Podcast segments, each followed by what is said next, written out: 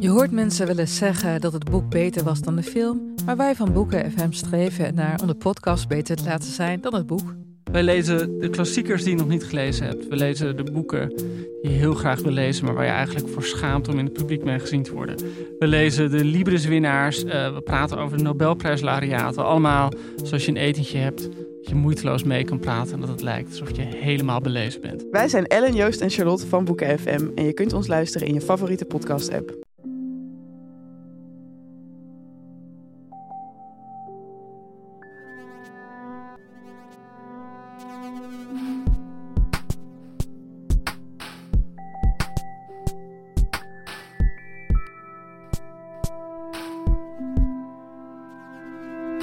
Hey, ik ben Pieter van Relaas. In Relaas hoor je waar gebeurde verhalen en die worden verteld door de mensen die ze zelf hebben meegemaakt. Verhalen en poëzie, normaal gezien zijn dat twee helemaal aparte genres, maar in dit Relaas komen ze volgens mij heel mooi samen. En dat komt door de prachtige vertelstijl van Dimi, die met hele mooie woorden verdoezelt dat dit toch eigenlijk wel een klein smeerlapje is. Soms.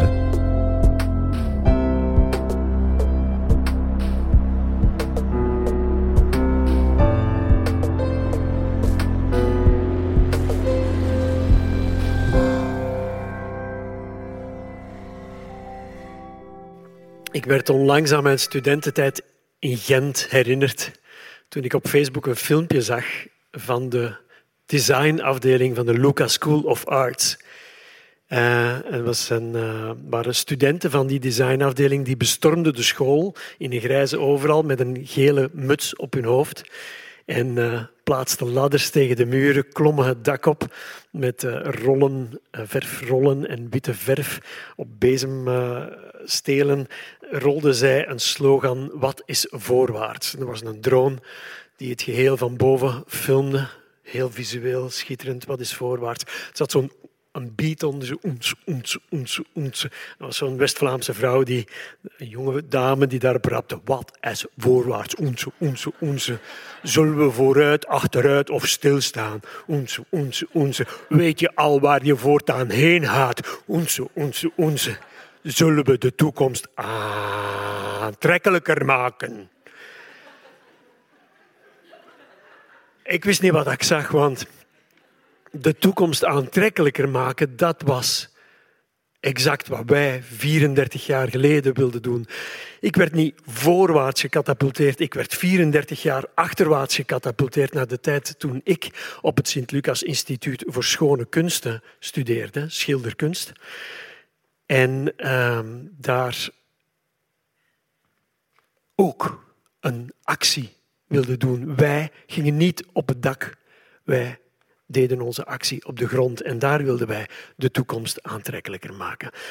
Nu, wij, dat waren vier prille twintigers. Bart, Erwin, Cedric en ik. Zij, waren, zij zaten in het derde jaar, ik zat in het tweede jaar. Maar ik voelde mij in alles hun gelijk. Wij, wij dachten precies dezelfde gedachten. Wij zeiden dezelfde dingen. Wij voelden dezelfde zaken.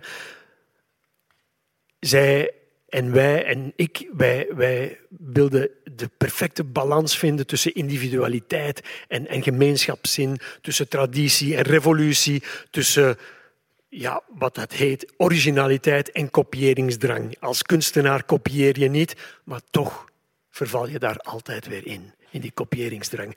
Wij werden door onze leraren uitgedaagd, en dat was Dan van Severen en zijn assistent Willem Kolen, die daagden ons uit om subtiele commas te bedenken in de complexe syntaxis en de grammatica van de schilderkunst, die trouwens al lang haar penselen niet meer nodig had om zich te kunnen uitdrukken.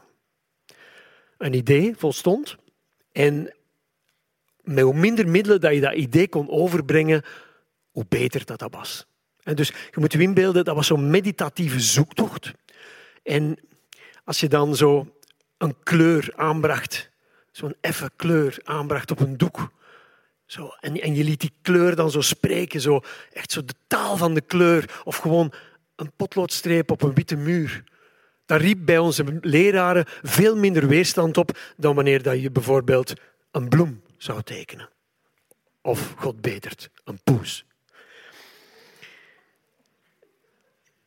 daarom werden we door de anderen en dan vooral door het concurrerende atelier schilderen, er waren twee ateliers schilderkunst op Sint-Lucas, werden wij de hoge, de hoge priesters van de kunst genoemd. Hm? Het andere atelier, dat komt zelfs ook nog ter sprake.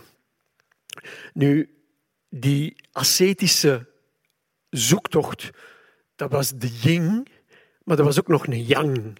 En die yang, dat was heel Bourgondisch. En, en die werd door niemand beter belichaamd dan door onze eigen leraar, Dan van Severen, die zijn zucht naar alcohol niet altijd onder controle had.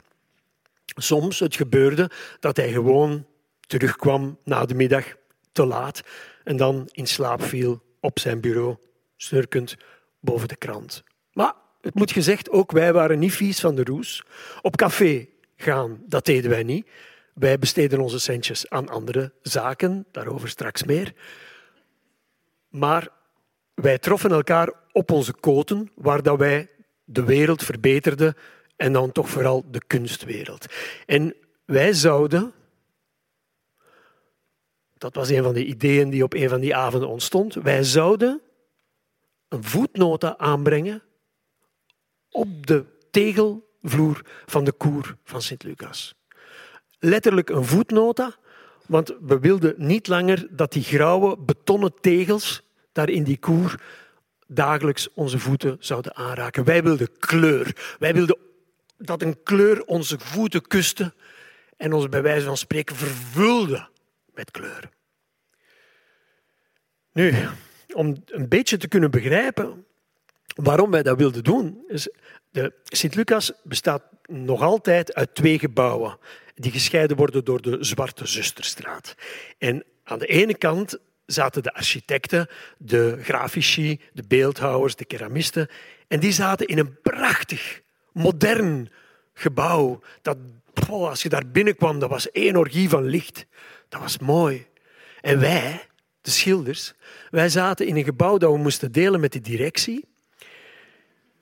Dat was zo'n het was even groot in omvang, hè, maar dat was in alles benepen, claustrofobisch. Het was een neogotisch gebouw.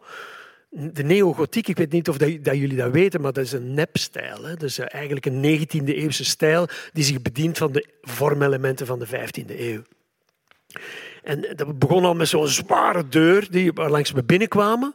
En dan was er zo'n duistere inkomhal met links en rechts bibliotheken. Het rook er nog naar de paters, die daar gelukkig niet meer zaten.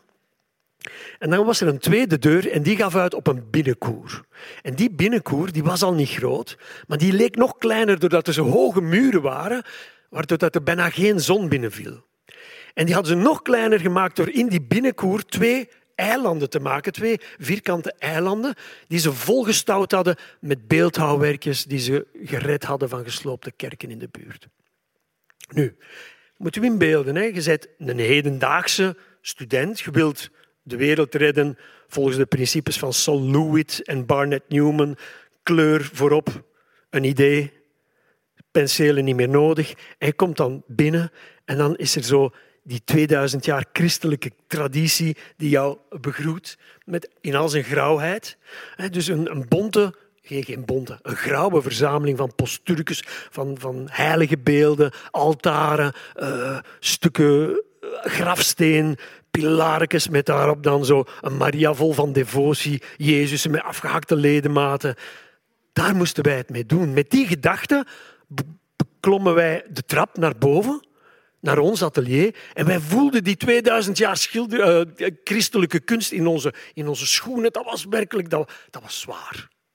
Wij kwamen boven, boven in onze atelierruimte. Die was geriefelijk, die was groot, die was, je kon dat zelfs aangenaam noemen, maar er was geen uitzicht. Dus men had bedacht dat wij de schilderkunst een nieuw aanzien moesten geven, maar men gaf ons zelfs geen zicht op de wereld. Jawel, er waren ramen op 3,5 meter hoogte. Het liefst van al hadden wij die muren gesloopt, het dak eraf gehaald en onze artistieke ziel rechtstreeks blootgesteld aan die stralen van de zon. Dat is terrorisme, dat is geen kunst. Dus daarom dachten wij, wij, de vier comploteurs van het atelier van Severen, wij zouden de zon in de school trekken en wel naar die koer. die gefossiliseerde koer met haar twee neogotische eilanden. Daar zouden wij een artistieke voetnote aanbrengen. En wel, de timing was ook belangrijk. Wij zouden dat doen de dag voor de uitreiking van de rapporten. Want we wilden dat niet alleen de leerlingen dat zouden zien en de leerkrachten, maar de ouders en ook de nieuwe leerlingen die kwamen kijken naar de eindejaarstentoonstelling. De hele wereld moest onze kleur zien. Onze kleur. Onze kleur. Welke kleur zou dat dan zijn? Wij trokken nog een fles wijn open. Wijnrood, zei iemand. Ik ben vergeten wie. Wijnwit, zei iemand anders. Maar die drank in onze glazen, die was niet rood, die was niet wit. Die was zo geel als deze t-shirt. En zo werd het geel. Het geel van de zonnebloemen van Van Gogh. Ons plan was simpel. Dat wij grote hoeveelheden verf de school binnensmokkelden, dat zou niemand verdacht vinden, want we waren per slot van rekening schilders.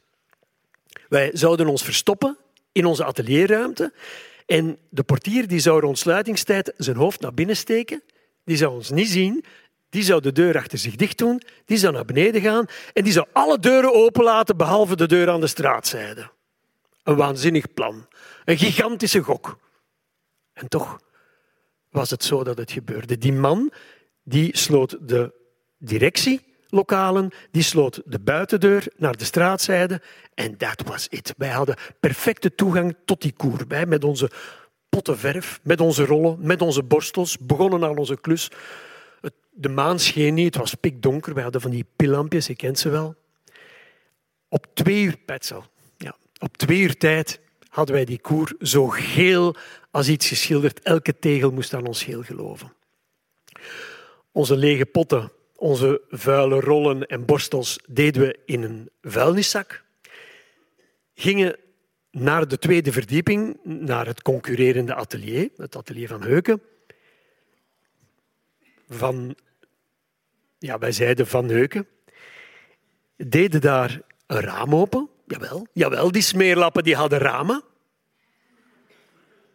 Stapten daar op een plat dak daar was, dat leidde naar een blinde muur op de oude houtlei, vijf meter hoog. Bonden een touw aan, ik weet zelfs niet meer waaraan. En lieten ons vallen in de oude houtlei. De laatste in de rij, ik denk dat het Cedric was, die maakte het touw los, smeet die vuilzak naar beneden en sprong zelf met een behendige kattensprong naar beneden. Hij had geen schrammetje. Maar dat was niet het grootste mirakel. Het grootste mirakel was dat niemand ons gezien had. Die oude houtlei die was gewoon verlaten. Wij waren geslaagd in onze missie. Als er iemand zanderdaags een goed rapport verdiend had, dan waren wij het wel. Een drankje kon er niet meer af, we waren doodop. We gaven ons rendezvous tien minuten voor openingstijd van de school en gingen slapen. Sanderendaags Tien minuten voor sluitingstijd staan we daar stipt op tijd, poepzenuwachtig, kijken rechts, kijken links. Geen politiecombi te bespeuren. Oef. Maar er was toch iets anders dat ons zorgen baarde. Overal lagen plassen water. Het had dus geregend die nacht. En dat was niet zo de tijd dat je zo de buienradar kon raadplegen van om hoe laat was dat geweest. Dus wij konden alleen maar hopen dat onze verf de tijd had gehad om te drogen. Maar we hadden niet veel tijd om ons zorgen te maken. Die deur ging open. Wij probeerden helemaal niet zo triomfantelijk, gewoontjes, in de school, in die inkomhal te lopen. Zagen de opening naar de binnenkoer. En werden daar eigenlijk met verstomming geslagen, want van ons geel was niks meer te bespeuren. Geen spatje geel, alles was weg.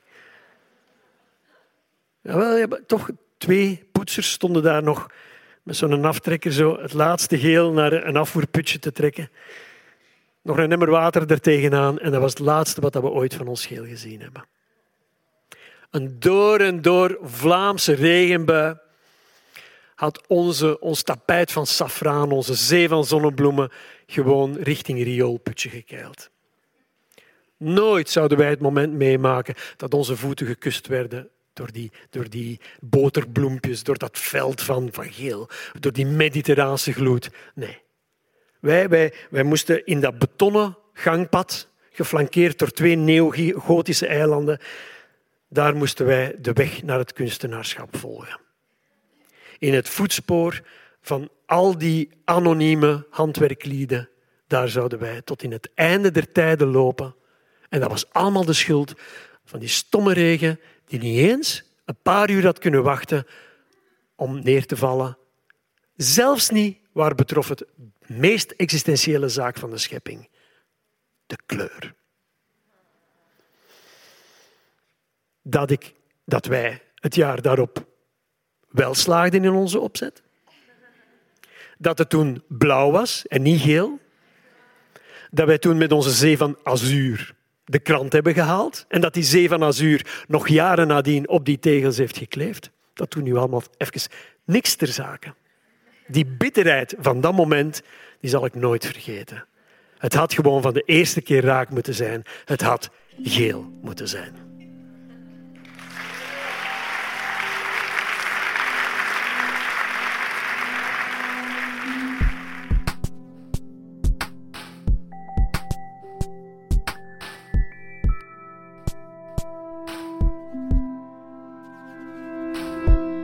Dat was het relaas van Dimi. Hij heeft het verteld in juni. Het was tijdens onze jubileumeditie van Relaas. Een feesteditie, zo was het, met uh, Team Brugge, Antwerpen en Gent samen in elkaar gebokst. Voor meer dan 300 mensen op het podium van de Handelsbeurs in Gent. Een mooie galaavond.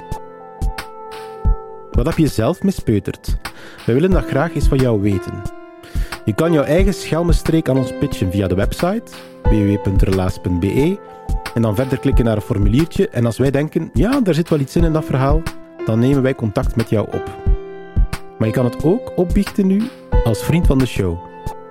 En daar met andere vrienden van de show verder over praten. Vriendvandeshow.be slash relaas en daar gaat het plezier verder. Dankjewel ook aan de afdeling cultuur van de stad Gent en de Vlaamse gemeenschap. Jullie steunen ons, zodat wij live onze vertelmomenten kunnen organiseren. En bedankt ook jullie om te luisteren en tot de volgende relaas.